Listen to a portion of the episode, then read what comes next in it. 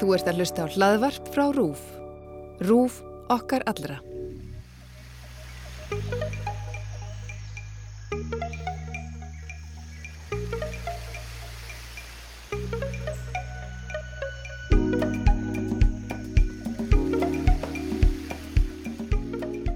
Ert að hlusta á X22, kostningarhlaðar brúf. Ég heiti Yngvar Þór Björnsson. Og ég heiti Guðrún Haldanadóttir. Nú eru einingis 11 dagar til kostninga og kostninga áherslu flokkana farnar að skýrast. Emitt í dag ætlum við að setjast niður með Fanny Björni Jónsdóttur, bladamann og lögfræðingi og Þórðisnæ Júliusinni rítstjóra Kjarnans og ræða stefnur flokkana í Reykjavík. Já, það verður spennandi að heyra hvað þau hafa að segja. En það má geta þess að kostningapróf RÚF er nú aðgengilegt á rúf.is og þar getur þú hlustandi góður borið saman afstöðu þína til nokkura fulleriðinga með afstöðu frambjóðenda. Hagsmunir náttúrunar eiga að vega þingra en fjárhagslegir hagsmunir sem tengjast atvinnu uppbyggingu. Auka ætti aðkomu íbúa að ákvörunum í sveitafélaginu með íbúakostningum. Flestar ákvarðanir sveitastjórnar eiga að taka mið af loftslagsmálum. Sveitarfélagið ætti að tryggja börnum leikskólavist frá því fæðingarorlofi líkur. Til að efla skólastarf ætti sveitafélagið að reyka færri og starri skóla. Sveitafélagið ætti að huga því að saminast öðrum sveitafélagum. Sveitafélagið ætti frekar að leggja áherslu á almenningssamgöngur en að greiða götu engabílsins. Sína þarf aðhald á næsta kjörtumubili frekar en að ráðast í framkvæmdir. Leggja ætti áherslu á þjónustu við íbúa frekar en að lækka álögur. Mér líst vel á hvert mitt sveitafélag stefnir. Já, og þá er hægt að skoða svör hvers frambjóðanda með því að smetla á nafniðra og prófiða því kjöri fyrir þau sem eru enn óákveðin hvað eigi að kjósa. En við skulum byrja á stefnum flokkan í Reykjavík.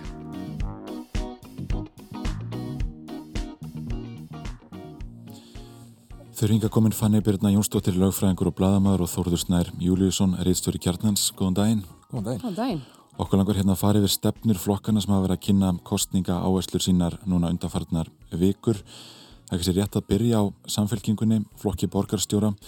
E, ákvaðleikur samfélkingin áherslu í þetta skiptið? Þau eru að leggja áherslur á það sem þau hafa lagt áherslur á. Mér finnst þetta stefnan svona þótt hún sé gríðarlega lung, 41 blaðsíða sem er oflangt, svo það sé sagt. Uh, hérna, uh, þá er þetta svona rosalega mikið, við erum á réttri leið. Áframhaldandi þétting, áhersla á uppbyggingu í ákveðnum hverfum, ártónsöða, skeifu, múlakverfinu, mjóttinni. Þau skera sér frá ymsum öðrum varandi lausnir í leikskóla og frístundarmálum með því að einblýna á að tekjuláar fjölskyldur greiði minna í staðin fyrir það að allir er að fá frítt eins og sumir gera og við komum kannski betur að hérna á eftir uh,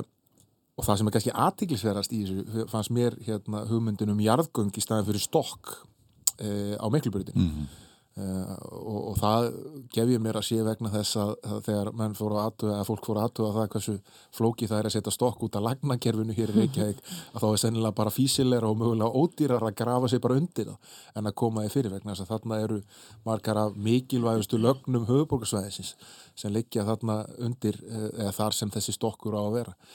Þannig að hérna þetta er baldið meira í að sama meira af degi. Já, ég held að þarna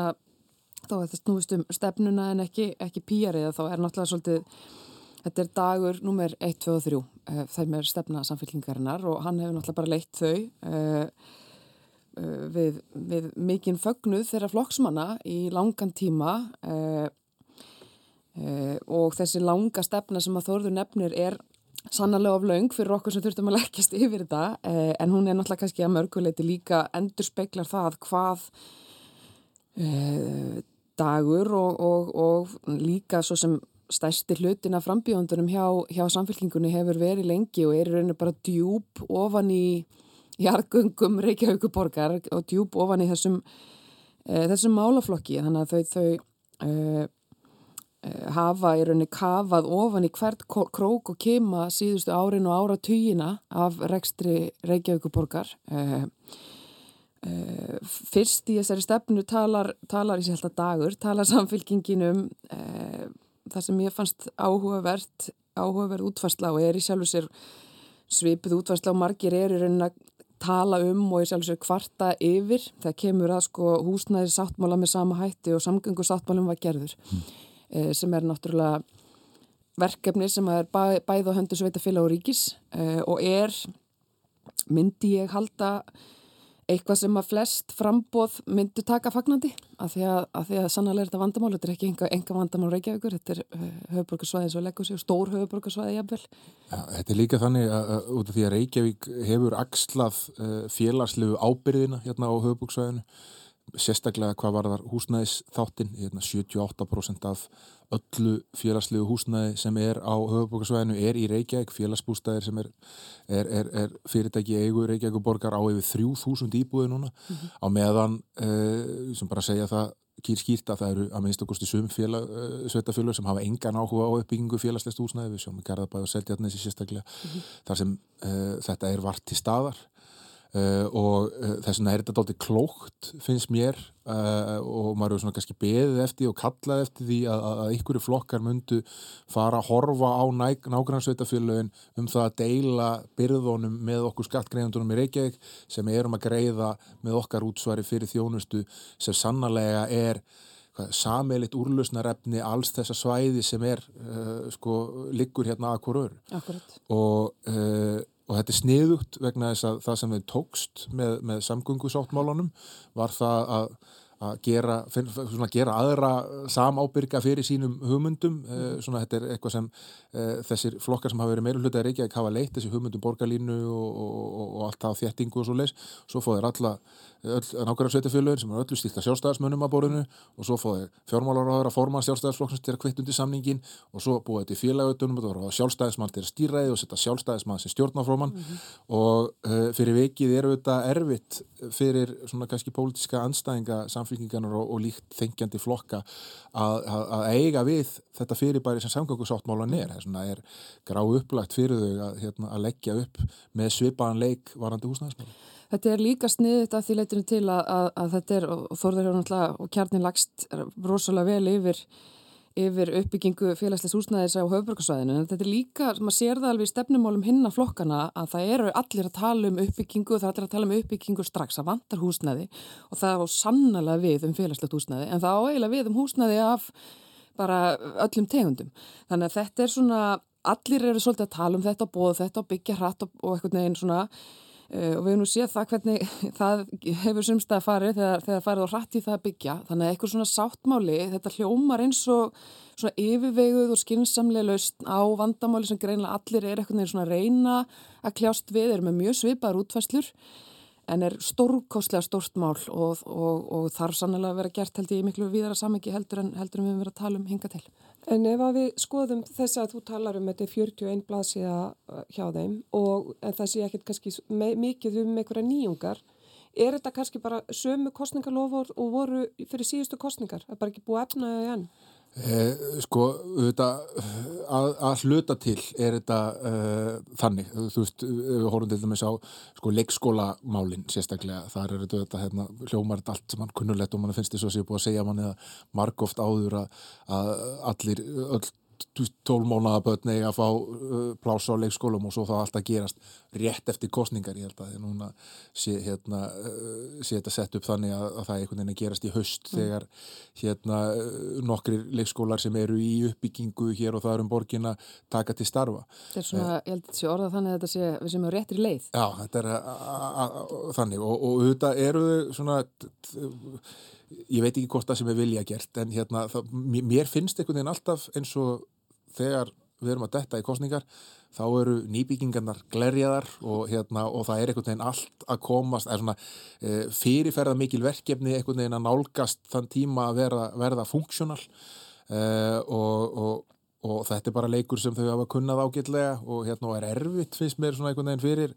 anstæðingarna er að ná tökum á. Ég var þeirra skoðunar að held að svona leikskólamálinn eruðu eitthvað sem væri högstæður á þeim sko mm. og, og, og, og pólitískir anstæðingar samfélkingarinnar sérstaklega gætu náð ekkur áfram um en hérna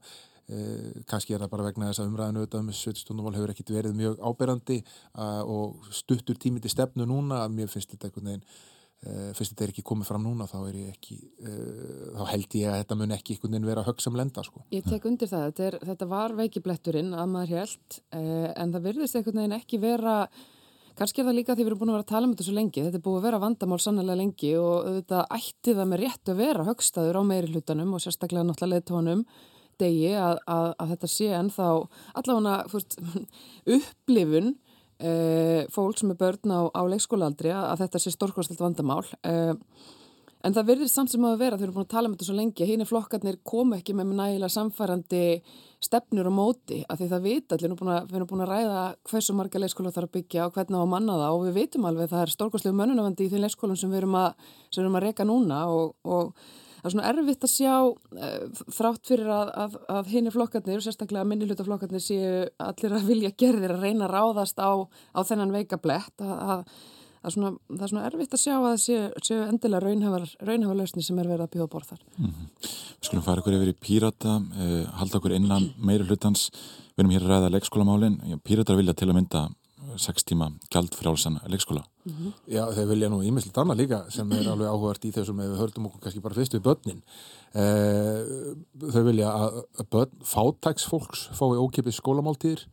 á þess að það sé kannski sérstaklega skilgreint hvað fátækir eru í, í, í þeirra stefnu uh, og tryggja aðgengja tónlistarnámi algjörlega óháð efnahag en það sem ég svona fannst kannski aðdeklisverðast eru hérna að þau vilja gera tilraunir með þessar heimgreðslur, greiðslur til fóreldra eða fórsjóra eða 12-15 mánu að barna mm -hmm. sem fá ekki dagvistunumblás Uh, og uh, einhvern tíma var nú tekist um að flettir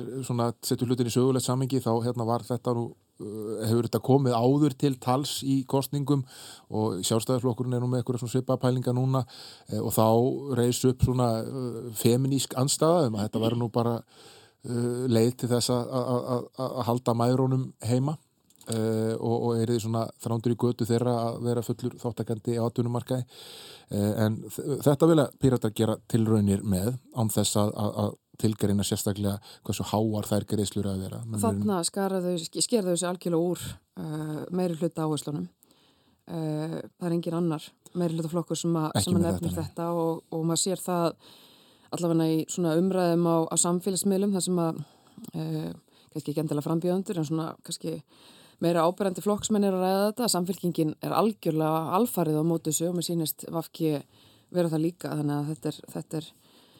uh, nær því sem að ég mitt eins og, og Þorður nefnir sjálfstæðsflokkurinn með þetta líka á stefniskonu sinni og eins uh, flokkur fólksins reyndar. Það þar um, báði flokkar kallir þetta foreldrastyrk uh, sem eiga að berast fóreldrum barna sem eru þá einstu tvekkjur og er ekki komið leikskólaplás mm -hmm. fjárhæðir svo sem ekki nefndar í þessu. Eh, pírata áhersluðnar eru náttúrulega sko, þessar, stór, þessar stóru línur, þessi mest áberandi stefnumál það kemur að skipilagsmálum og samgöngumálum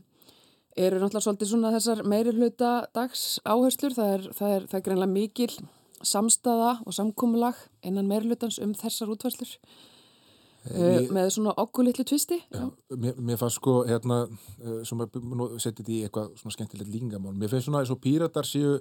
viðskiptaráð ef að samfélkingin er samtök aðtunlýsis og uh, til þess að útskýra það þú veist, þegar samtök aðtunlýsis hafa sterkar skoðunir á okkur þá kemur það svona fram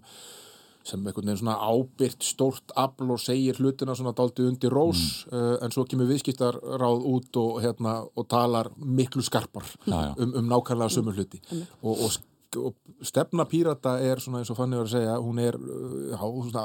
að nánast öllu leiti þessi svona meira hluta stefna nema hún er svona bara meira umf í henni en, en til dæmis í samfélgingunni þrátt fyrir hún sé alls ekki jafnlöng það er svona hlutinur orða er skýrar mm. uh, þú veist það er farið mjög skart í það að tala um uh, flýta borgarlínu, fakka bílastæðum stakka gældskildu svæðin, draga úr nótkun, nagla, dekja og svo frammeins og hérna uh, já, og bara orðað einhvern veginn með aðeins meira krafti mm. en, en manni fannst í stefnusgró samfélkingar Já, og Reykjavík veri reynilega skilgrind sem líka bara 50 km hámars hraðasvæði. Mjög áhugavert. Og það er mitt, bara, bara hárétt það sem að segja, þetta er, þetta er, þetta er mjög svona uh, það lítið og, og bara þeimdi hrós, það, það lítið af einhverjum svona mm, að minna, kannski ekki lítið, það er tölvur staði en það minna af svona einhverju bladri þetta eru nokkuð nokku skýripunktar og, og uh, auðvitað munu þau í meirluta samstæður þurfa að gefa afslátt og, og gera málamílanir en þetta er samt mjög skýrt hvað þau ætla sér að gera. Uh, og það er svona, um, það er ágætt. Og svo eru þau í Þau eru náttúrulega á þingir, þau er bara svona andspillingar afl og þau eru, gefast út fyrir að vera það líka í borginni. Og maður hefur kannski séð aðeins minna í því þau hefur verið meira sínileg í, í svona mannrettunda uh, og svona velferðar umræðu og verið alveg nokkuð, nokkuð sínileg þar. Þau er tala fyrir í rauninni rými fyrir, fyrir öll kyn, þau hafa verið uh, leiðandi í umræðum skadamingun sem er náttúrulega mjög stort mál bara fyrir, fyrir eins og við rættum um, um félagslega vandan uh, sem að sækir mikið í Reykjavík. Það hefur verið mjög leiðandi í þeirri, þeirri umræðu þannig að mér finnst Mér finnst þetta alveg svona nokkuð samfærandi stefna hjá þeim, svo leggjaðu mikla áherslu á dýr, dýravelferð og kannski einhvern sem finnst það að vera blæður en það er bara rosalega mikið að dýra eigundum í, í borginni sem að öruglega taka slíkum, slíkum beinum stefnumálum eh, fagnandi. Svo þetta ekki kannski bóltan það sem fanni sleppur um hérna varandi svona áhuga þeirra og nættni við fjölbyritileikan þá eru þau líka sko að leggja áherslu á gjald frjósa móðumálskennslu mm -hmm. fyrir þá sem eru með ekki með íslensku svista tungumál og þá sáhópur eru þetta rosalega ört vaksandi í Reykjavík sérstaklega og auðvitað á Íslandi yfir höfuður og komið með tefnilega 15% af, af eh, þjóðinni sem eru orðið, er ærlendum uppuruna og það, eh, þeir hópar eru aðalega að vaksa hérna í Reykjavík og svo í Reykjanesbæ. Og svo eru þau með hérna líka svona landsbyðartengingu vilja setja fót heimavist fyrir mm. þá sem vilja svona hérna stunda nám hér. Og það sem ég finnst eiginlega sko píratarnir gera vel er að hérna svona það sem uh, þessar svona kannski uh, þessar nýju áherslur samfélagslegu áherslur svona snjókorna áherslurnar vókfólkið að þau eru ekkit sko engi, þau eru ekkit að pukrast með þetta þau bara standu upp og bara við erum stolt af því að standa fyrir allt það sem íhaldi stendur ekki fyrir mm -hmm. og segja það bara mjög skýrt og ég held sér rétt sem fann er að segja að þau auðvitað njóta þess að landsmálin eru þannig núna að þau eru þetta andspillingarafl, þau hafa auðvitað verið með veðsinn í borgarstjónin líka með alhanskakvært Eithóri Arnalds eh, og hérna svona nýtt þann vettvang til þess að herja á hann eh, vegna málatengtum samherja og annað slíkt. En það er sem er, er alveg augljóst er að þessi tveir flokkar sem við erum búin að fara yfir núna að þeir eru öksull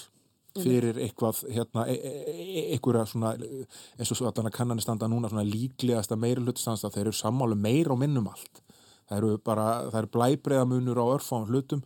uh, og með að við hvernig fylgiskannar er að mæla þá hérna, eru þetta flokkar á sem eru þarna, já getur verið með allt upp í 40% fylgi sko, 35-40% þessu eru að mælast núna. Uh, þessi tveir, þannig að þeir ættu þá ef að þeir eru svona meira og minna samanlum allt þess að stefnun að segja uh, að eiga hansi marga kosti í meiri hluta myndun uh, eins og landslægi blasir við núna En einmitt, eh, er ekki, þeir eru með að heldur grænni áherslur, er það ekki heldur að samfélki? Jú, um, það er ekki alveg, þú veist, það, það er, er stór kapli sem fer undir, undir það og það er eins og, og Þórun endi hérna aðan, þetta er mjög svona, eh, ekki, ekki markmiðin, þetta er bara svona mjög fastir og harðir punktar um með mitt nagladekkin, fækkum bílastæða og svo framvegis. Eh, þessars áherslur má svo sem alveg finna í Eh, plaggi samfélkingarinnar, veist, þetta er, þetta er bara partur af því sem vorum að segja hérna á þann að þetta er, þetta er, þetta er rosalega keimlíkt það sem við verðum að tala um, vandin hjá samfélkingunni er að þetta er svo vítt og breytt og mikið plagg eh, en það er alveg augljóst miða við það að þetta er ekki svona ofbóðslega yfirþyrmandi það sem að pírata byrja að borða að, að þau leggja greinlega áherslu á þetta því þetta er alveg ágætla fyrirferða mikið í þeirra stefnum og sannlega eitthvað sem þau hafa alveg hafa alveg talað um. Mm -hmm. Akkurat og þau talaðum um gjaldfrjálsar alminni samgöngu fyrir börn. Mm -hmm. já, já. Það hefur, var eitthvað sem að var um tíma en að meðan núna, einmitt þeir eru meiri hluta þá hefur það samt ekki verið. Já, þessar samgöngur, sérstaklega þessar strætósamgöngur hafa náttúrulega verið á þessu kjörtum byrju svona svolítið fram og tilbaka varandi verðlækningu og, og svona hverjir, hvort og hverjir eiga að fá ókipis í strætó. Ég held að það sé nú bara eitthvað sem að sem að verði bara alltaf sko, fara mm. svolítið bara eftir rekstarstöðunni hjá, hjá, hjá, því, hjá því fyrirtæki og, og hérna e, en þetta er svona, þú veist, þetta er bara pínublæbriðamunur aftur, þú veist, þetta er þannig er, þannig er skerfafkjösi aðeins úr samfélkingin ekki jafn mikið og viðreist ennþá minna, þar sem að þau vilja í rauninu bara reyka þetta meira okkur svona rekstarilum fórsöndum, þetta er svona þetta er, þetta er, en þetta er þetta allt saman einhvern veginn í ykkur svona einhverju byða því það er allir að byða eftir borgarlínu mm. í þessum herrluta. Það er svona, menn séu, eða fólk séu að, að, að í rauninu bara sita strætu af sér þanga til að, að borgarlínu tekur, tekur við. Já, þetta eru margi flokkar, við þurfum að halda vel á spöðunum, farum okkur yfir í uh, VAFG. Hvað er ábyrjandi í stefnu reyfingarinnar? Já, stórst er spurt. Já. Uh, ég ætla bara að viðkjöna það svona af uh, yfirferð uh, yfir svona þessar stefnur, þá fannst mér þetta nú svona eins og mest óspennandi. Mm. Það var hérna, þau eru með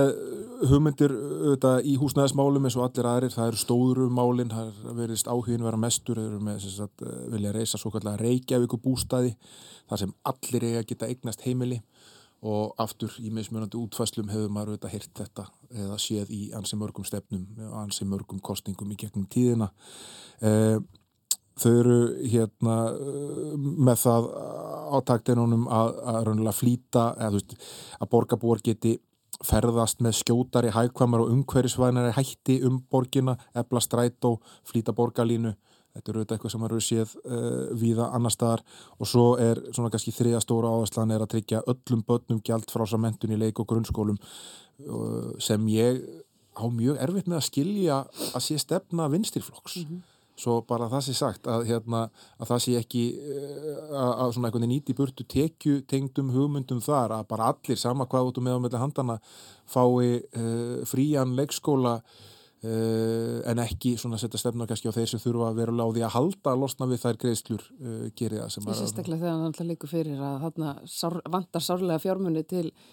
til rekstrar og, og til þess að geta greitt, greitt laun fyrir það þjónustu sem er að veita. Það væri kannski annað Þannig vandam... að það væri allt flæðandi peningum sko. Þú veist, vandamáli núna verist verið að það, hérna, að, að, að það er búið að búa til nægilega mörg plás með öllum þessum leikskólum sem eiga að koma til eftir kostningar mm -hmm. eða í haust eh, en það er bara mönnunavandi mikill mönnunavandi og það við vitum það líka núna þegar allt er að taka vissir að þá verður flæði úr uh, frá uh, þessum sko, stofnunum eins og leikskólunum fólk sem hefur að vinna þar sem fer í önnu störf sem eru betur borguð mm -hmm. uh, til dæmis í ferðarþjónustu og annað slíkt þannig að hérna mönnunavandi eru þetta fyrst og síðast kannski leistur með breytingum í metakerfunu og, og, og svo með því að borga herri laun mm. og gjaldfrjáls leikskóli að mannum ég finnst það hljóma einhvern veginn Já, mér, mér finnst þetta alveg ég vil bara segja það út, mér finnst þetta skrítin áhersla hjá venstrirflokki. En þetta hefur náttúrulega verið þeirra áhersla í tölvöðan tíma og þeir tölvöðu sjálfur sér fyrir þessu uh, komið ekki inn í, inn í sáttmálan bara þegar Sólei var á sínum tíma uh, Tómasdóttir mm -hmm. uh, þeirra, þeirra eini fulltrúi það er bara stórkvæmslega vandamál hjá Vafki hvað, hún, hvað flokkurinn á erfitt með að aðgreina sig frá frá samfélkingunni og svo aðgreining sem að þau kannski hefðu viljað uh, að væri gerð á, á þeirra stefnumálum hefur doldi verið yfirtekin af pýrutum. Það er þetta uh, svona andspillingarafl, það er þessi umhverfismála uh, áhersla og þar eru þau sannarlega ekki að fá neina stóðsettingar af, af þinginu, bara reynd ekki. Þannig að þetta er Það er, mm, það er bara mjög erfitt held ég að sita kostningastjórnafundi hjá, hjá vinstri grænum í Reykjavík og ákveða hvað að segja því að ekki getur verið að tala niður meira hluti samstæðu sem þau eru búin að vera partur af lengi. Uh, og þau geta svona sem ekki heldur farið að einhvern veginn að tala niður ríkistjórnarsamstæðu og, samgöngursatmálan og allt það. Þannig að þetta er alveg bara, þetta er mjög erfitt og þeim tekst þetta ekki, ég ætla bara að lefa mér að segja það, það er einhvern veginn ekki, ekki að sjá í þessu neinar svona sérstakar ástæður þess að frekar ætti ef að, ef að fólk er ánætt með meirlutan að kjósa vinstri græn heldur en þá ekkur af hinnum flokkunum sem að mynda þennan meirluta. Og svo er, eru vinstri græn bara Albanía. Það er hérna, einhverjum langar að, eða sko ég er vinstri græn í borginni, eða einhverjum langar að skamma Sovjetríkin sem eru vinstri græn í mhm. landstjórninni, þá skammaði Albaníu og það sáum við í kostningunum 2018 þegar byggðu afhróð og, og, og, og oddvitið er að rétt skreiðin í borgarstjórn Uh, og uh, kannanur eru ekki góðar núna og þetta bytnar hafa verið að, verið að, að skamma vinsti græn í borgarstjórn eða þetta í Reykjavík fyrir það sem er að gerast á landsvísu þetta er þetta svo flokku sem er kannski mest viðkvæmur fyrir þeim málum sem ber hæst á baui núna svo eru þau líka bara einhvern veginn í þeirri stöðu get ég umynda mér að, hérna, að, að það er svona ákveðin pólitískur ómöguleik að vinsti græn alltaf fara að leiða íhaldi til valda í Reykjavík borg líka sko. þannig að hérna, þau eru aldrei búin að binda sig við þessa flokka sem mynda meiri hluta núna uh, ef að viðstu grænmundu fara í svipað minnstur ef það væri gerlegt og þessu er ekki í landsmálan þá myndi það setja hennar flokki mjög sérstakka stöðu. Mm. Það voru bæði að færa sjálfstæðisflokkin til valda í, í landsmálunum og e, í borgarstjóti Reykjavíkur það er, það er, það langstesti flokkurinn í því mm -hmm. samstæri. Þannig að hérna, ég, ég skil alveg að það er örgulega mjög frústrirandi að vera þessi hópur sem stendur að, að, að frambúði vinsti græna hérna í, í Reykjavíkuborg á þessum ástæðin sem fann ég er að nefna að það eru svona aðrir flokkar sem stela doldi þrumunu þeirra Uh, og uh, þau líða fyrir uh, það stjórnarsanstarf sem flokkurinn er að leiða á landsvís. Ég myndi halda að það hljóta vera, svo fyrirgefi fara aðeins út af bröðinni, að það hljóta vera umugsunarefni fyrir Vafki og þetta, að þetta endur speglast svo mikið í stefnunni að, að, að það er alveg augljóst að ég myndi segja allafannast þetta kjörtímabili sem er að líða núna og eiginlega kjörtímabili þar áður að þá hefur meiri hlutin ekkert gert til þess að veita vafki sérstaklega eitthvað brautagengi eða aðtiklega slíkt á því sem verður að gera. Ma, maður fær ekki séð að sá árangur sem að meir hlutin er að berra sér á brjóst fyrir, alveg saman hvað fólki síðan finnst um það, að maður geti nokkuð tíman tengt það sérstaklega við áherslur vafki eða fulltrúa vafki í, í borgarstjórna en endum og ráðum þar. Þannig að og þetta endur spekla svolítið í þessari stefnum að svona bara einhvern veginn átta sig ekki alveg á erindinu inni hérna meiri hluta og þau hljóta að hugsa sig um eh, ef þau ná einn fulltrú að hvort þau vilja endilega halda áfram í þessum örluta. Já, og færa okkur yfir en viðreist. Já, þau segjast að hafa skýra sín fyrir börnin og atvinnulífið og, og fleira. Er það svo? Eh. Sko, þau hafa alveg sína skýru sín og þau eru með þetta stefnu og allt það sko, en þetta er í rauninni svolítið sama marki brent finnst mér og það sem við erum búin að vera að tala um. Það er ekkert nýtt, það er rosalega lítið sem er einhvern veginn meira spennandi, meira, já, sko við erum snettilega búin að vera í þeim vandræðum að, að Þórtis Lóa 80 þeirra er búin að vera svolítið að taka á kassan alls konar óþægileg mál. Síðasta kjörtímabil fyrir, fyrir meiri hlutan, er búin, hún er búin að vera fremst í flokki að svara fyrir þessi miklu vandamáli í, í skólum og leikskólum og það var brakkin og það var alls konar og það er hún einhvern veginn alltaf, alltaf mætt til þess að uh, taka það á sig og, og, og, og lofa að bóta betrun. Uh, þau eru svo sem alveg með sínar áherslur, það er verið að tala um að lækka áfram skatta uh, í borginni og selja rekstur. En þú veist þetta er samt sem aður alveg nákvæmlega það sama og þau sögðu fyrir síðustu kostningar þetta er, þetta er sko ég, ég áttum ekki alveg á því. Sjálfstæðsflokkurinn svo sem að ræða þetta sama mála ekkur leiti líka sem er að tala um að selja selja svona rekstar egnir Reykjavíkuborgar uh, eh, Malbyggunastöðun að höfða eitthvað slíkt og ég bara næði ekki alveg hverjir það eru sem eiga að fá fyrring í magan í kostningaspenningi við að heyra þessi lofórð og ef þú ert þar að þá veist, þá, þá eru þau kannski þrjú í viðbótið eitthvað. Uh, en þau þau eru náttúrulega koman fáð þarna inn í, í, í þriðja seti nýjan full trúa uh, hinn að þórtísi og þau eru komin þarna með frýtt í, í alla grunnskóla og óháður ekstra formu og þetta auðvitað snýst þetta um engareksturinn uh, og þetta er svona kannski ykkur ykkur lína sem þau eru að reyna að setja. Þau séu sem sagt hlind engarekstri í borginni sem er svona að sumuleiti umdeilt í meira hlutunum en samt ekki alveg. Þú veist það verðist eitthvað neina ekki mikill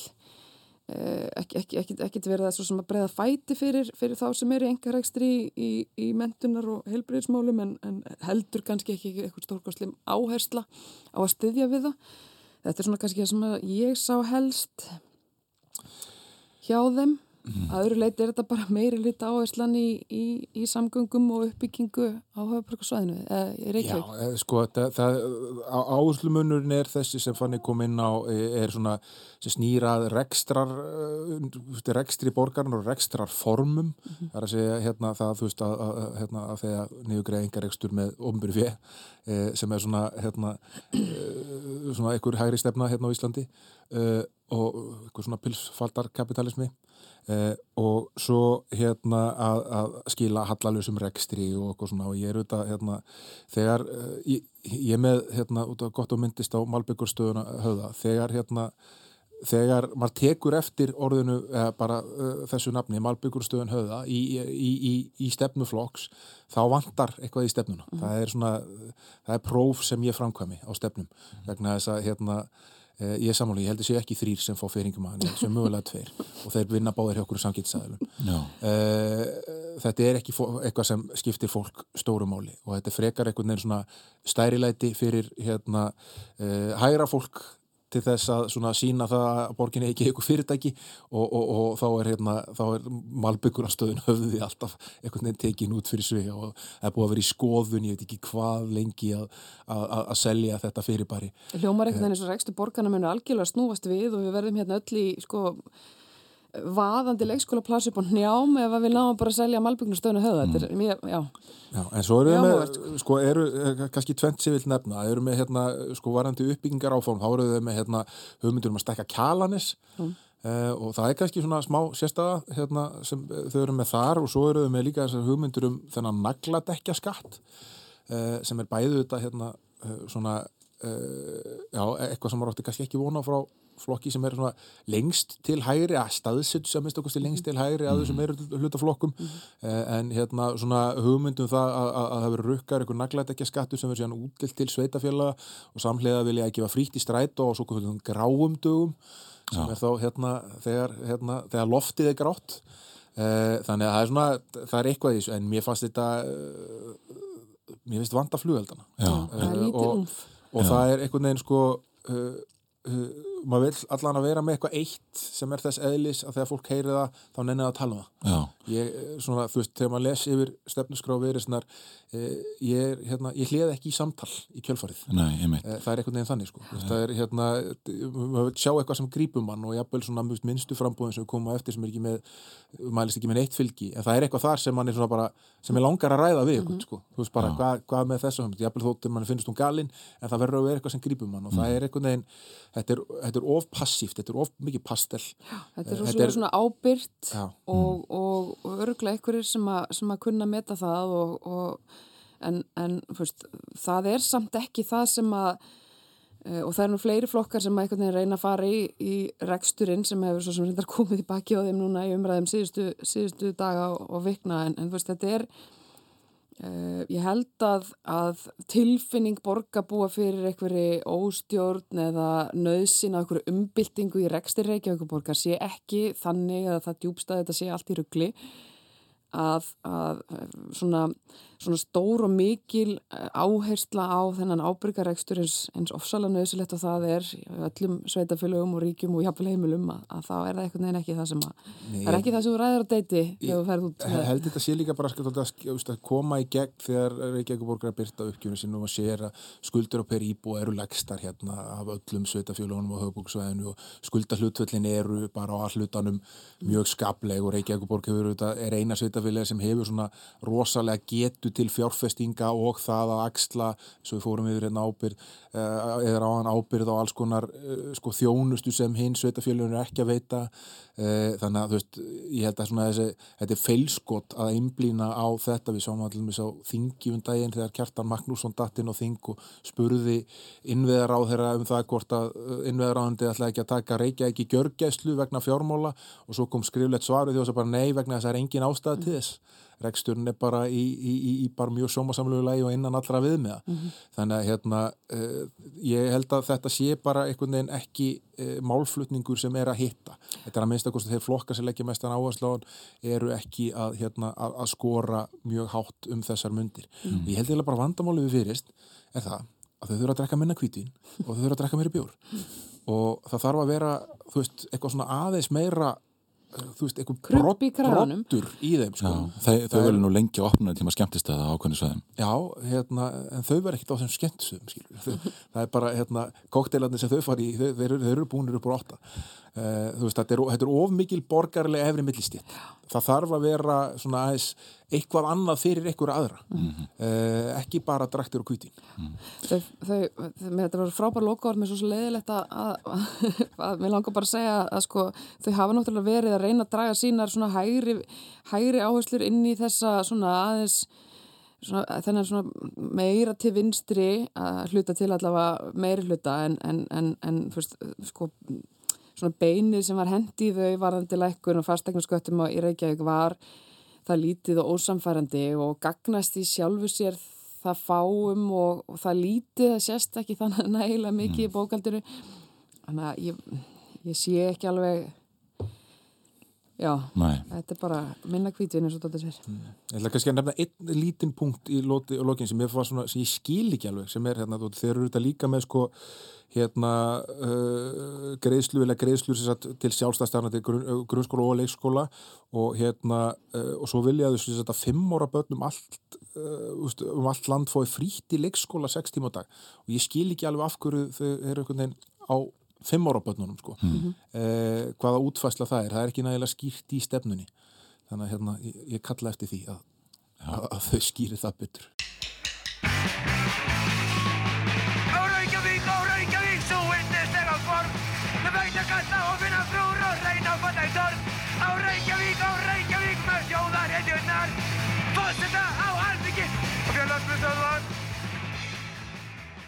Eigum við að færa okkur í þann flokk sem að er að auka fylgisitt alveg gríðarlega með að við markam á skoðanakannanir, framsóknarflokkurinn. Hann hefur sæns að fekka engan fulltrúa í borgastöld síðast en mælist nú með, í, í síðustu skoðanakannum með þrjá borgarfulltrúa. Hvað segir um stefnu framsóknar? Já, þetta er bara mjög flókin spurning vegna þess að ég finn ekki stefnu framsóknarflokksins. Uh, að öðru leiti en það að Einar Þorstinsson hefur komið inn sem oddviti og einar eins og við þekkjum öll er hérna auðvitað eh, kann sig fyrir framann myndavillar og hérna og hefur alveg hérna uh, náð að umbreytast í pólitíst frasa velmenni á mjög sköpum tíma og hérna og hefur tekist einhvern veginn að hafa alla skoðinur öllum hlutum. Uh, hérna eftirminnilegasta innleik hans í kostningabáratunni hinga til var held í ykkur umálum á Twitter þar sem hann ætlaði að þjetta og dreifa Uh, og, hérna, og kallaði það að þreyfa uh, og hérna og svo hefur einhvern veginn verið svona sá skilningu vaknað að hans er bæði fylgjandi því að flugöllur fara úr asmeri og hans er á mótið því. Uh, en þetta er svona daldið bara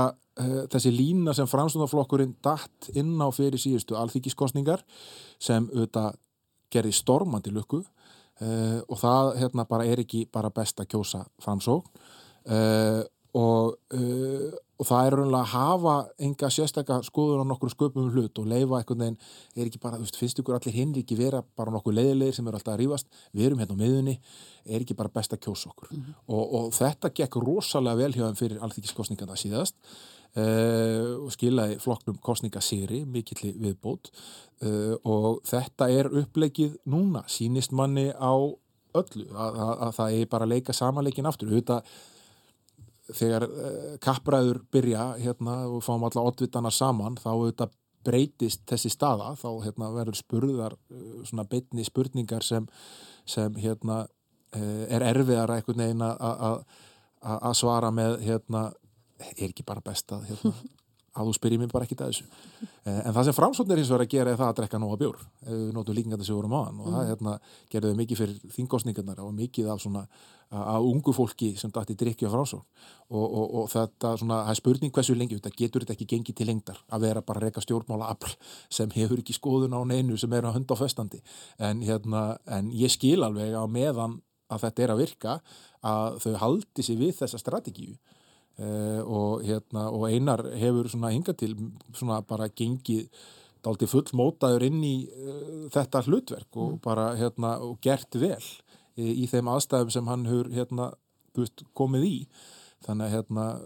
þetta verður bara aðtilsvert þess að staðin er í dag að mælast með 2-3 inni, flestum konunum 3 inni er að taka þá, virðist vera frá sjálfstæðarsfloknum öllu liti, þannig að það er líka daldi aðtilsvert að sjá hvernig svona, uh, þetta mun þróast hvort að sjálfstæðisflokkurinn mun breytum strategíu og hætta að horfa á sína anstæðinga og fara kannski svona, sem hafa verið anstæðinga sem er meiri hlutin og, og fara kannski í eitthvað svona damage control ef maður leiðir þess að sletta og, og, og fara að reyna að kroppa eitthvað tilbaka framsóknu einari. Ég veit mm. ekki hvort þau voru nú skýr þegar þú spurðir hvað finnst okkur um stefnu framsóknar uh, en hún sagt er ekki til. Við, við töluðum okkur saman við þorður á leiðninga hvort við værim ekki alveg Uh, hvort þú verðum eitthvað að sopna verðinum hvort það, ég ringdi hann og spurði fannst þú stefnu framsögnar og hún er hann er hver ekki að finna. Og ég átta mig á því að kjósendur almennt liggja kannski ekki á heimasíðum flokkana til þess að leita upp í stefnur þeirra allra. En mér finnst samt fórkanstanlegt eh, að, að framsóknarflokkurinn í Reykjavík sé ekki með stefnusgrá sem að sé aðgengilega almenningi einhver staðar, hvort sem er bara einhverjir, einhverjir einhverjir Facebook-punktar mm. eða, eða í rauninni, fyrst, það eina sem var hægt að gera til, undir, gera til undirbúsi fyrir þetta var að, var að sko googla frétta viðtöl við einmitt bara einar e, það sem hann hafi sagt svona hitt, hitt og þetta e, þannig ég kall eftir því að, að fólk setjast nú niður fáið sér kannski meiri bjór eina kvöldstund og setja eitthvað niður á blad og, og gera það aðgengilegt þó að það sé kannski bara ég og Þórður sem, sem munu lesa það þetta er náttúrulega mjög sniðu kostningabarta eins og, eins og, eins og Þórður segir eh, ef að einar í text að standi í lappinnar í sjónvarpinu og það eh, er ekkit endilega víst að það takist. Það er pressa á, á fyrirvændi kollegum mínum og, og kollegum okkar að, að, og kollegum hans. kolleg, fyrirvændi kollegum hans sannlega að að, eh, að fá eitthvað svör af því þau hafa eins og Þórður kemur mér skýrtinn inn á þau hafa rosalega lítið fengist. Um, Hann segir það sjálfur að, að sko, það kemur til dæmis að, að húsnæðisvanda og uppbyggingu að þá sé stefnaflokksins kannski ekkit endilega mjög frábröðin annara heldur um, virðist eins og hann einhvern veginn upplifaða þannig að hann, hann sé kannski meira meðvitaður um hversu akút þessi vandi er, þetta þurfa að gera strax og, og svona þéttingin hafi við kannski tekið á langan tíma og það þurfi halda henni áfram en líka byggja í útkvarfunum og, og þetta er í sjálfu sér það sem er að gerast hjá stefnu meirulhutans og þetta er það sem að já, heila flestir hinna flokkana er að bóða, þeir eru að bóða uppbyggingu í uh, keldum og, og þannig að búið að skipulegja ártumstöðunni, það byrjaði það ekki að byggja þar uh, og Úlfarsadalurinn og svo framveg sko, þannig að mm. þetta er svona svolítið þetta er svona svolítið það snýst bara svolítið um það eins og Þorður segir að drekka bjór og vera hress og þau eru opin í báða enda eins og þau hafa alltaf verið bæði í Reykjavík og, og á landsvísu eiginlega, allstaðar Já. hann tala náttúrulega mikið um stolta reykvíkinga sem hann segir vera skort á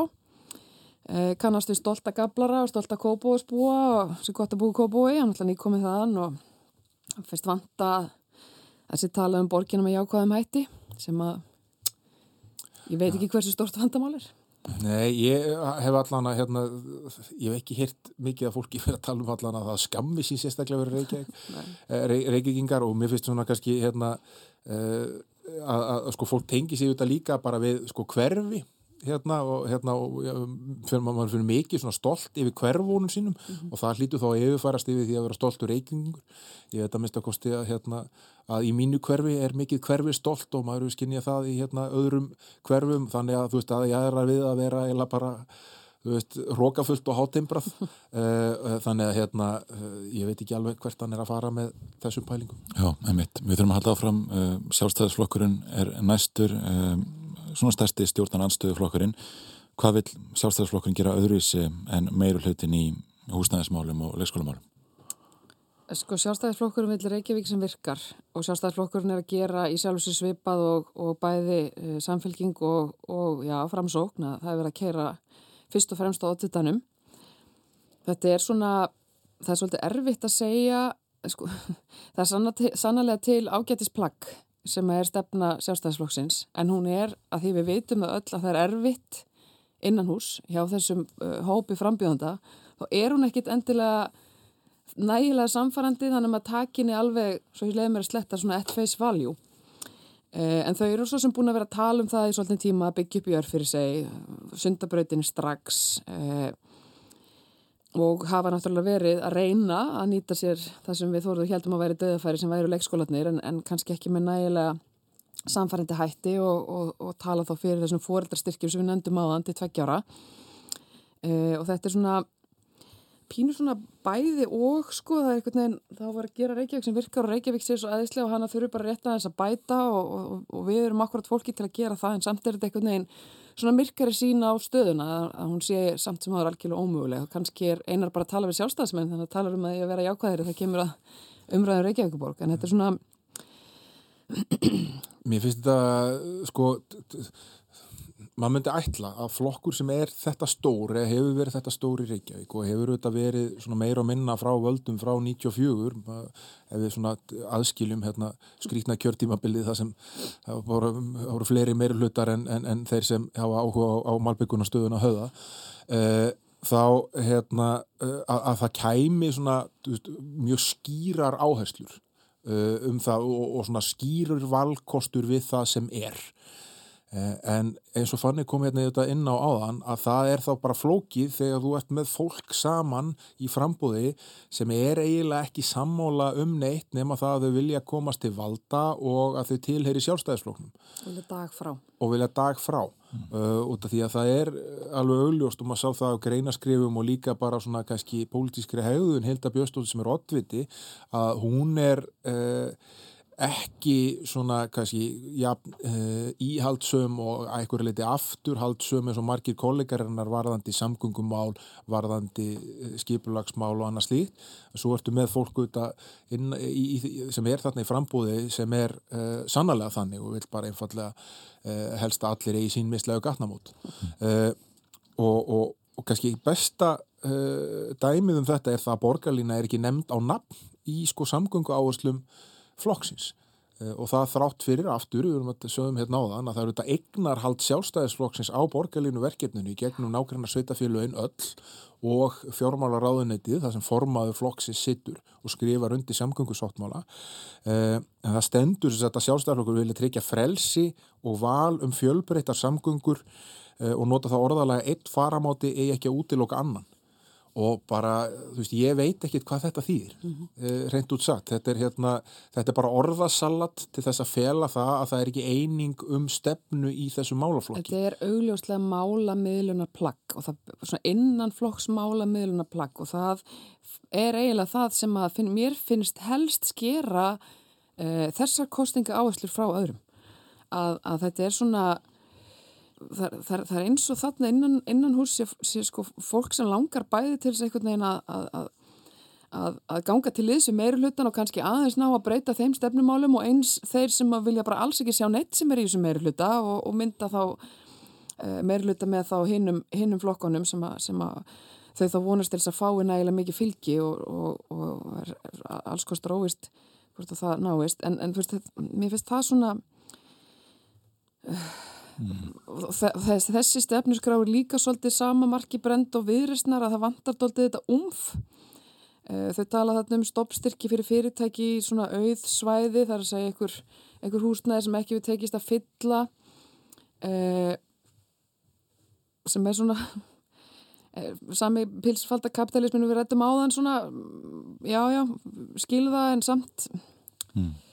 sé ekki að þetta sé það sem að, það sem að muni, muni trekja kjósundur af floknum sko. Nei, en svo er alveg svona, þú veist, klassísk uh, sjálfstæðis mál þarna, þú veist, auðvitað þau eru búin að vera með mikið fókus á því að, að rekstur Reykjavík borgar sé í mólum og tala um það að þau eru að endur skipilegja reksturinn og þau eru hérna mjög upptíkina því að þau eru að fækka borgarfulltrúum aftur uh, hérna telja það vera uh, stort atriði. Það er búin að vera með skrifstóður Reykjavík og borgar svo sem mikið og ofalega í sinni orðræðu. Já sem þeim fyrst hafa blásið út og svona, og, svo sem deilt um hvort það sé rétt eða nátt. Svo þú veist vilja þeir læri fasteirnaskatta á atvinnuhúsnaði, þau eru með auðvitað, þetta sem við myndist á hérna, þessar heimgreðslur, 100.000 krónar heimgreðslur fyrir það að vera mungböld heima eh, eru með umhverjus og loftlagsmála stefnu sem hérna vilja tryggja kólefnisbindingu með lausnum á borði karpfix, skórækt og endurheimt votlendis mm -hmm. sem er eitthvað svona hérna sem auðvitað alveg hilt áður úr, úr þessum ranni eh, standa vörðum græn svæði og svo þetta kannski svo klárum skipulags áherslunar þá er það ekki bara örf fyrir segi þeir vilja svona, ég vil eiginlega þjætta byggðina í aðrinum mm -hmm. Þa, það er svona það sem þau eru að horfa á hérna að minka svona áhersluna á að þjætta hérna svona inn í uh, inn hvervonum. í Reykjavík inn í hverjónum og, og, og, og þjætta og byggja meira upp í, í sko jæðarkverjónum sem liggja í útjæri Reykjavíkur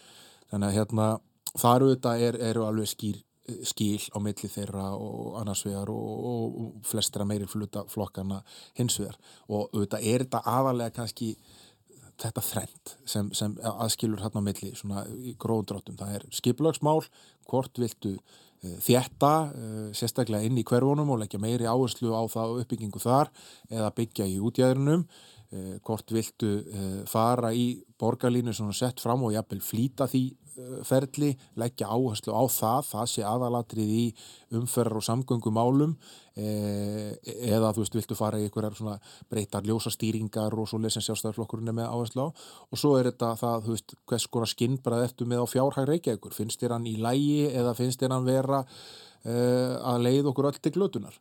Uh, þetta eru svona stóru skilin sko og þetta er það sem fólk þarf að taka afstöðu til Uh, held ég, svona sem uh, fyrst að hérna, við veristu allan að ég og Fanni vera sammála um það að þau eru ekki alveg að hitta í marki í þessum dagvistunumálum sem aftur mér fannst dauðafæri fyrir þau í aðdraðanda Þau eru að reyna, ég menn þetta, þetta, þetta er það fyrsta sem er tekið fram í, í stefnunni hjá þeim og, og ekkit ólíklegt að fólk á þessum aldri, jafnveil ömmur og afar í kringum það og þeir sem eru kannski að sjá fyrir sér að stefna á battegnir eða nýbúnir að þeim heyri þetta kannski betur en aðrir, maður veit það ekki. En já, ég bara tek undir þessa greiningi og þórið þetta er svona, þetta er stóru línum þar sem skilur skilur þið að. Ef maður fær okkur í flokk fólksins? Það fæði klæði húsnæði og, og kolbúrun heldur já svona því þeirri setningu á lofti líka í, í, á sveitastöndastíðinu Já, þau tala svolítið um þetta skiljum enga eftir uh, og þetta er þetta er þetta bara svona Uh, þetta er svolítið svona sveita stjórnar útfærslana af þessu sem þú ert að segja fæðiklæði húsnæði. Uh, og, og ágætlega sannfarandi sagt, upp, upp, uppsetningin á stefnumálunum og það er nú svona kannski njóta góðs af, af því hversu, hversu vel floknum gekk í, í þingkostningum og það er að vera að beina miklum peningum miklum peningum að þinn, þannig að þetta er, þetta er faglega uppsett og, og Og þau eru svo sem, eða Inga Sæland helst og, og Kolbrún svona ekkur leiti teikar það að hún reynir að uh, vera sannfærandi uh, talsmaður þeirra sem að, sem að eru eins og þau segja skilja enga eftir, sem eru kannski skildir eftir og, og það er verið að tala um að stitta byggðlista byggðbarna eftir fagleiri aðstóð uh, sem að sannlega er stórkoslegt vandamál, hluta til að sveita fylgjónum og hluta til náttúrulega ríkinu. Þau eru að tala um gjald fyrir íþrótt og tómstundastarf, gjald fyrir álsæðar skólamáltíðir. Þau eru að tala um þennan foreldrastyrk frá einsásaldri til, til tveggjára fyrir þá sem að fá ekki inni á, á, á leikskólum. Þau tala um aldrað og öryrkja og tala meðalans um að, að, að sveitafélagin er bara bein, beinlýnis að styrkja hagsmunasamtök aldrara og, og öryrkja. Að mörguleiti finnst mér síðan ef við förum í þessi svona stærri mála þá er þetta rosalega svipa og sjálfstæðisflokkurinn er, er að leggja áherslu á það kemur að hverfa uppbygging og samgöngum. Þetta er, þetta er sundabrautin strax þetta er keldur, ólvásadalur og svo framvegis og, og, og, og ártúnsvoltið og þau tala sérstaklega um að það megi ekki þrengja meira að bíla umferð þannig að þetta er svona þetta er svona Já, við erum alltaf með, með þennan bleika og gula lit í, í kostningabaráttunum sinni sem minnir svolítið á bleika, gula og bláa litin sem að, að sjálfstæðarflokkurinn er er, er að vinna með. Þetta er svona, já, þetta er svona ynga sæland mít sjálfstæðarflokkurinn. Mér, mér finnst hérna, ég samála því að styrkleikar uh, og sérstaða flokks fólksins liggur í þessari áherslu á bætta þjónustu að vinna á bygglistum og annars lít Kolbrún þekkir þessa málaflokka vel starfað innan þeirra og hefur svona verið að finna jú, að finna fæturna í hérna uh, í minnulutanum sko. Verið hérna duglega að bóka um hitt og þetta. Uh, og, og, og þetta eru það sem flokku fólks hefur bara gert vel í pólitík. Það er að finna sér svona eitthvað svæði sem engin annar er kannski einhvern veginn mm -hmm. að sinna með nægilegum hætt og gera það sínu Og, og, hérna, og það hefur gert þau að, svona, að, að stöðu afli í pólitík. Þetta eru ekki hérna, flokkur sem er sennilegur til þess að skila meir en einum borgarfulltrúa en sá borgarfulltrúi virðist svona vera nokkuð örugur inni. Mm -hmm. eh, og svo er þetta auðvitað svona hérna eins og Fanni sæði rosalega svona þetta tala mikið við Uh, hluta af sjálfstæðarfloknum sem er svona uh, vil hérna leggja áherslu á, á, á bílaumferð og, og bæta umferðaflæði og, og, og vera ekki að láta almenningssamgöngur og þéttingar uh, þrengja að fjölskyldubílnum mm -hmm. og allt þetta. Og svo hérna auðvitað talaðu líka saman varandi þessar greiðslur í, í leikskólunum og annars líkt þannig að hérna og maður náttúrulega ekki gleyma því að pólitískur upprunni kolbrúnar er í sjálfstæðisfloknum og, og þetta er sjálfur sér, í sjálfur sér mjög skinsamleg uh, stefnumörkun fyrir þennan flokk. Uh, sjálfstæðisflokkur hefur náttúrulega bara minga bæð á landsvísu og í Reykjavík uh, með hverju kjörtímabilinu og það má alveg gera ráð fyrir því að eftir því sem að, veist, eftir hrunið það sem að kannski svona venjulegt fólk og jafnvel þeir tekjuminni sem að áður gáttu mögulega að samsvara sig með einhverju málflutningi sjálfstæðisflokksins en hafa yfirgefaðan eru doldið landleysir og þau eru að reyna að tala þarna við hópin sem kannski einhver tíman satt í, í valhöll eða hlustaði fréttinara sem væri að vera að tala stjætt með stjætt þarinni en er miklu meira ónsamfærandi núna. Uh, og tala beint inn í þann hóp með þessum einhvern veginn svona bíla uh, útkverfa málflutningi með mjög svona skýrum áherslum í, í velferðamálunum. Þetta eru mjög mælanlega markmið, þetta eru beilistum og svo er þetta bara uh, niðurfellingjalda og, og, og, og styrkir til þeirra sem þurfa og þó við séum ekki byrjað að tala um sósélistaflokkin en við veitum fyrir mjög fljótlega þá, þá er þetta í rauninni uh, miklu svona kannski skýrar á meira svona sveita stjórnarlegt heldur en sósélistaflokkurinn býður upp á sem er sem er með svona kannski aðeins háleitari markmið og virkar doldum eins og það er kannski mögulega meira heima í landspólitíkinni. Þetta er svona þessi þau, þau tala beint inn í þess að nærþjónustu sem að sveitafélagin er að veita og Reykjavík á að veita og, og, og, og eins, eins, eins og við nefndum í náðan mm. eru alveg sæmilega samfærandi því. Það er kannski að bæta einu við uh, uh, flokku fólk sem eru allar þess áherslu sem við erum að tala um núna eru sko áherslu sem sko kynnslóðir sem ólust upp hérna sko eldra fólk. Þau eru mm. rosalega góð í því að horfa á og koma með hluti sem höfða til eldri kynnslóða sem er stór hluti af kjósunduna þeirra. Mm -hmm. Þeir eru með hérna vilja skipilegja svæði um uppbyggingu húsnæðis fyrir aldraða, vilja gera öldurum klefta búins lengi og geta heima og fari það út að bygglistum vegna skoss og hjúkurunar í mjög Reykjavík. Þannig að þau, þau kunna alveg að tala við sinn, sinn hóp. Sko. Mm -hmm. Við erum að halda áfram förmið mitt bara í sósélastaflokkinni Reykjavík mm -hmm. en núna sanna bóðar ja, miklu uppbyggingu félagslegs húsnæðis og vilja að borginstofni byggingafélag um, er ég stefna sósélastaflokksins í Reykjavík hvað húsnæðismálinn varðar einstök? Já, já hún er það og, og stefna sósélista hefur eiginlega bara frá því urði til verið nokkuð einstök og þau eru alveg óhrætt við að setja sér eins og ég saði hérna alveg stórkoslega háleit markmið uh, og bóða í rauninni bara byltingu í því hvernig eigi að, að bara reyka hérna líðræði og, og í þessu tilfelli reyka sveitafélag. Uh, þau eru að tala um að félagsbústæðir byggi 3000 íbúðar kjörtímanbylnu og 30.000 næstu 10 árin í samstarfi ríkið og þau koma bara rosalega skýrt fram með, með, með óánægju sína með vannfjármögnu ríkisins vegna velferðarþjónustu sveitafélaga og það er bara breyta því og tala þar í rauninni gerir í ráðfyrir fyrir hönd bara sveitafélaga um, um land allt en þetta er þetta sannlega vandamál uh, sem að, að sveitafélagin hafa verið að kvart yfir. Uh, og þau tala þarna um þriðja stórtsýstustígi sem þau vilja setja, á fót og aftur, sko eins og ég var að segja náðan í í tengslum við þetta þessi nýtmiðu lofórið eða stefnu flokks fólksins að þá er þetta svona uh, spurning hvort þetta er endilega heima á sveitustjórnastíginu eða, eða í landsmálunum en, en, en er þér augljóslega að vera samtalt milli þeirra tvekja hvort sem er þannig að þetta er ekkit, ekkit alveg út í hött en, og svo er þau með mjög svona eða bara nett flóknar líðræðis og rekstrar út, útferslur með miklu meira aðkomu almennings og beitna veitinda þjónustum það bara hvernig við eigum að stýra kerfinu yfirleitt. Þetta er svona og það tala um þáttöku líðræðislega fjárlega gerð já, ég er að tala um það. Og þetta er, þetta er,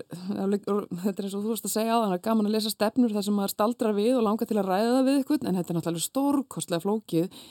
í útferstlu og erfitt held ég og maður hefur ekki séð þetta mikið rætnist það er erfitt að koma þessari umræðu að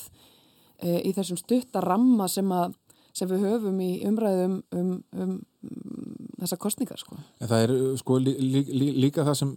mér finnst gaman að sjá í, í svona stefnum, er svona hugmyndafræðilegur hreinleiki uh, og þau eru til dæmis með sko hérna, þú veist vilja uh, segja mjög skýrt að það verður tekið útsvara fjármagstekjum uh -huh. uh, þannig að allir greiði raunulega jamt fyrir til samfélagsins og þetta eru eitthvað sem hérna, er verið að, að glíma við á, á ríkisbasis mm. uh, og hérna þau vilja hætta, ríkið hætti útvistun og verkefndi sveitafélagana án þess að fjármagn og tekistofna fylgi og það eru þetta að vera að horfa á þennan vanda sem hefur skapast vegna tilflutnings á málefnum fallara til sveitafélaga án þess að fjármagn fylgdi með mm -hmm. uh, sem er risastórt vandamál hjá flestum sveitafjölum og er eh, einhvern veginn ekki lausn í, í, í auksin.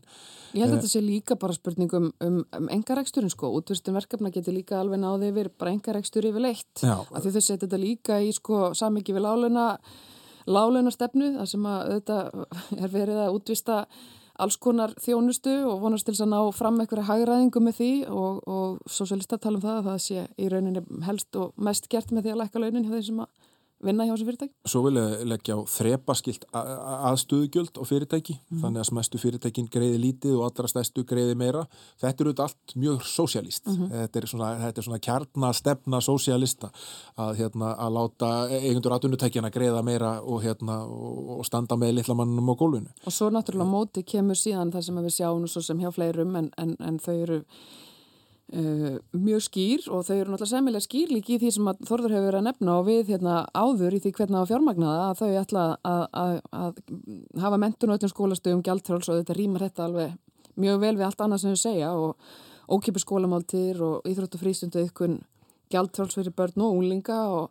og þau vilja setja uh, þá sem er að veita sérfræði þjónustu, talmæna fræðinga og aðra inn í skólana uh, eins og við munum nú eftir í gamla dag Og svo er þetta, þetta, þetta uh, baráttan fyrir uh, kjörum uh, er þetta sínilega. Náttúrulega þau segja að það þurfi að, hérna, að hætta að borga lúsalön. Þau vilja að útvistun verkefna til dæmis ræstinga verði hægt að vinni allir beint hjá starfsfólkborgin að vinni allt beint hjá henni en ekki hjá starfsmannalegum mm -hmm. uh, og uh, vilja hækka fjárast aðstóð þannig að eins og þau orða að dugi fólki til að lifa mannsamandi lífi og hafa búsuttu og sambúðaformi mm -hmm. þetta er þarna eins og í flestum öru tilfellum ekki búið að útfara kostnaðin en hérna hann er vantarlega verulegur Þetta er bara mjög sannfærandi með að við svona þeirra stærri áherslur en að hluta til eins og ég segi hérna tóldi flókið og erfitt að koma því að framfæra held ég. Miðflokkurinn, hann er hins vegar um, tölvert að tala um fjármál Reykjavíkuborgar í sínum áherslumálum. Hvað, hvað, þið eru búin að kynna ykkur meðflokks áherslur eða ekki líka? Jú, uh, við kynum það að það hefur farið uh, aðeins minna fyrir því og það er nú reynilega bara því að þau eru, að, þau eru svona aðeins uh, ólíklegri til þess að komast inn eins og staðan er núna en mm. þetta er svona svolítið svipað bara við sáum í, í síðustu kostningum uh, og þau eru bara eins og flestir þau eru kvarti verið sem húsnæðis og loðarskort í Reykjavík. Uh, og leggja mikla áherslu á að bæta fjárhaborgar sem þið finnst fyrir neðan allar hellur uh, og, og Uh, og tala í rauninni bara um það að engar samgöngu úrbætur hafi átt til stað í Reykjavík síðustu, ég man ekki hversu mörg árin sko. Mm, þetta er svona daldið að mála skrættan á veginn, hérna hraða uppbyggingu í Úlósadal, Guðunissi, Geldinganissi, Kjeldnalandi, Kjallanissi fjölga mislægum gatnamótum, fækka gönguljósum, endur sko allan rekstur út frá umhverfsmálum, en eitt sem mér fannst svona það kom mér á óvart, skoðum segja það, í stefnu miðflokksins og áhugavert og það er þess að svo hugmynd að mögulega rukka nákvæmna sveitafjölu fyrir félagstjónustu mm -hmm. sem, sem við vorum að ræða hérna áðan þetta er borin uppi af Reykjavík borg og, og, og þetta kemur svona, þú veist, það kom mér óvart að þetta var í flokkurinn sem tækit upp með svona skýrum hætti. Mm -hmm. Ég held ég að bara ekki sé þetta aður. Nei. það kom mér eiginlega ekkit síður og óvart að sjá að það er bara sæmilega langur kapli um græna Reykjavík Uh, og, og það er svo sem svolítið svipað og, og við erum að sjá hjá, hjá svona einhverjum sem eru ekki endilega með hjarta á þeim stað en átt að sjá því að það þarf eiginlega að vera svona kapli í, öllu sterkum, í öllum stefnum. Þetta er, þetta er svona, það þarf að nota lettperur og svona aðeins svona minni máli samt, samt svona, jú, það er eitthvað uh, það er eitthvað þarna Já. og svo þetta er bara hlutir sem hérna, heldur ekki kannski að koma neinum á óvart eru á móti það sem þau kalla þungri borgarlínu. Eh, þau vilja tryggja áframhaldi opnun eh, þeirra gata í miðborginni sem hafa verið loka fyrir bílaumferð eh, og auðvitað standa vörðum flugvöldin í Vasmi Já, talandum að standa vörðum flugvöldin þá skulum við fara okkur yfir í e, elistar Reykjavíkur bestu borgarinnar. Þar er aðastefnumáli hins vegar að flugvöldinum fari úr Vasmiri Já, það er nú eiginlega eina stefnumálið sem einhverju nefnur og auðvitað þeir sem standa að þessu frambúði eru þetta fólk sem hefur barist fyrir þessu lengi og, mm. hérna, og, og þekkir þetta vel, mikið þekking á þessum málum. Þetta er hérna að segja að þetta sé líka sko, stæsta uh, loftslagsmálið að, að, hérna, að reyðja flugullunum í burtu og nýta hann undir byggingaland þá skapist þetta tækifæri til þess að, að hafa fleiri íbúa þarna á þessu svæði og, og minni þörf fyrir kistlu hinga á þangað, minni þörf fyrir bíla, þetta sé líka lausn fyrir samgöngumál og annað slíkt. Mm. Uh, þannig að hérna, þetta er uh, fyrst og síðast uh, þetta sem þetta frambóð snýstum, þetta hugðarefni Gunnars formans frambóðsins sem hann hefur barist fyrir í, í lengri tíma og er núna komin í frambóð með. Mm -hmm. Maður áttur sér ekki á því sko, hversu mikið, þetta, maður sér þetta náttúrulega og sér þetta meira kannski erlendis að, að það komi fram einhverjir frambjóðundur í fórsættakostum og bandaríkjónum sem áttar sér á því að þeir eiga kannski lítinn möguleika en vilja vera með svona framanaf, eh, það er náttúrulega heldast menn og lestinni eh, sem við gerum ekki hér, við annarkvæmst bjóðum okkur fram eða ekki. Mm -hmm. Uh, til þess að vekja kannski aðtekli á, á, á ákveðin áherslumál ég áttum ekki á því hvort ég að lesa þetta svona eða, eða hvort þetta sé bara raunverulega löngun. Uh, en já, þetta er bara eins og Þóru segir þetta er, þetta er eina stefnumálið og hitt er nú svona bara svona Það sem er kannski áhugaverð Reykjavík besta borgin, bestu samgöngunar, besta skiplaði, bestu lífskeiðin og bestu skattarnir. Það er svona eila, eina annað sem maður sér Það sem er áhugavert í þessu líka að hann er með útfæslu sko, hvernig að rekja flugvöldin í burtu? Og það vil hann gera með því að setja lóðalegu á lóðina undir flugvöldin og segir að svo lóðalega myndi nema 28 miljardum króna á kjörtímbilinu og það myndi gera það verkum að ríkisæði sér ekki fært annað en að fara með þennan flugvelli þessi starf sem eitthvað annað. Mm -hmm. Aðrar áherslur eru bara, já eins og sé, læra útsvar, læri fastendagjöld, mm -hmm. leikskólagjöld, læri leikskólagjöld mm -hmm. og svo framvegis. Þannig að þetta er burtu með flugvellin, læra ímiskonar. Mm. Já, ég held að þetta sé bara, ég held að þetta sé bara hlýtur að vera samt pínu vombriði að ég fæ ekki séð að þetta hafi þetta eina stefnumál hafi náð kannski mikill í fótfestu í kostningabaráttinu þetta er svona komið inn á þetta ekkur leiti eh, en, en samt bara í svona ekkur framhjálpi í þessum svona stærri skipulasmálum þetta er ekki það verður ekki tekist að gera þetta að kostningamáli nú eins og þetta var nú hérna ekkur tíman Nei, þá hefur henni bara eitt flokk eftir og það er ábyrg framtíð sem komst nú ekki inn á þing á síðast ári. Eh, þau telja að ja, besta staðsetning Reykjavíkur fljóðvallar síðan Vasmírin og, og segja hér að, að það væri nú þægilegt að geta sleppt brasin á Keflavíkur fljóðvalli og tekið flugbeint frá miðbæri Reykjavíkur til miðbæri London. Sko það sem þeim tekst tótt að þau mælist ekki með neitt fylgi er það allavega að, að, að, sko, að það lesa stefnuplaggi er að Eh, er, það, það leiði til samtals vegna þess að það eru hlutir hérna, eins og það sem þú varst að nefna að, hérna, að breyta ekki bara sko, eh, hérna, að halda innanlandsflugin í Vasmíri heldur fara bara hittunum í millilandaflugul mm -hmm. og, og svo leggja þau til þess að svo kvöldu viðegarleið í staðin fyrir sundabröð mm -hmm. sem eru þetta, hérna, eitthvað sem þau eru standa, eh, hugmynd sem þau standa einn fyrir og ég er ekkit vissum hversu praktísi útvæslu en er allavega svona smá krydd E, í þessa umræðu alla saman. Mm -hmm. Ég myndi að hafna bara samgöngu sáttmálunum eins og hann er yfirleitt sko, en það er svo sem algjörlega uh, óbundi við nokkra flokka sem að honum standa hvort sem er hjá ríkja sveitafélum. E, já, þetta er svona, svo er þetta svo er þetta svona þetta rosalega mikið sér... umferðaflæði uh, fækka gunguljósum það er mm. mikið hjartasmálhjöfum fækka gunguljósum og, og við lesa það með að byggja eitthvað svona brýr yfir, yfir gödurnar þannig að hérna, börnum þurfu ekki að fara yfir gunguljós heldur getur bara gengið yfir brýr yfir umfararæðnar uh, þannig að hérna uh, já, þetta er svona meira og minna þarna. Mm, Akkurat, þá erum við búin að fara yfir stefnur allra flokka, sko þið skoðu þetta vel. Var mikið sem koma óvart Nei. Nei. Ég ætla bara að segja það svo er. Það er hérna, ég, ég hafði óskaðis að fleira hafi komið óvart. Mér varst uh, bara svona eins og kannski komið fram í, í, í okkar máli begja er að hérna uh, að það eru þetta misgóðar og misvel framsettar. Uh, Þetta er sko eiginlega listform og það er alveg eitthvað sem að sumir flokkar mættu hafi í huga að þarna, það skiptir alveg máli hvernig svona plagg er, er sett upp, hvernig það er hugsað uh, og hvað er verið að segja í því og, og fróða og fallega orði er ekki endilega betri heldur en færri og skýrari og, og þarna uh, það er, eftir kostningar ættu, ættu flestir að setjast niður og lesa allar þessar stefnur og sjá hvernig þetta er velgjert, hvað er þetta velgjert og, og hvað er þetta illagert og hvort eitthvað í þeirra rauðu mætti, mætti kannski betur fara í það kemur þessu að þetta er þegar þetta er velgjert þá er alveg gaman að lesa svona sko Ég held að þetta sé ágættis að loka orð Fanny Byrna Jónsdóttir, lögfræðingur og bladamæður og Þóruður Snær Júliusson, reistjóri kjarnars. Takk fyrir að kíkja til okkar í kostningalharpið. Takk. Þá er þessum sjötta þætti kostningarhlaðvars rúf að ljúka. Á förstu daginn heyrum við síðan svör oddvitana í Reykjavík við hraðaspurningum sem við lögðum fyrir þau. Takk fyrir að hlusta á kostningarhlaðvart rúf. Á Reykjavík, á Reykjavík,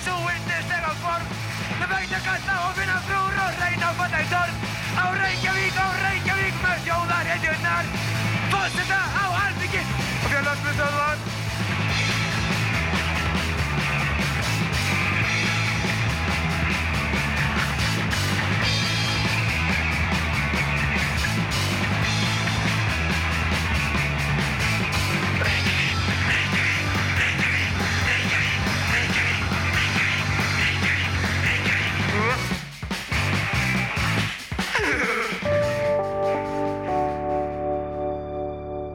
Rúf okkar allra.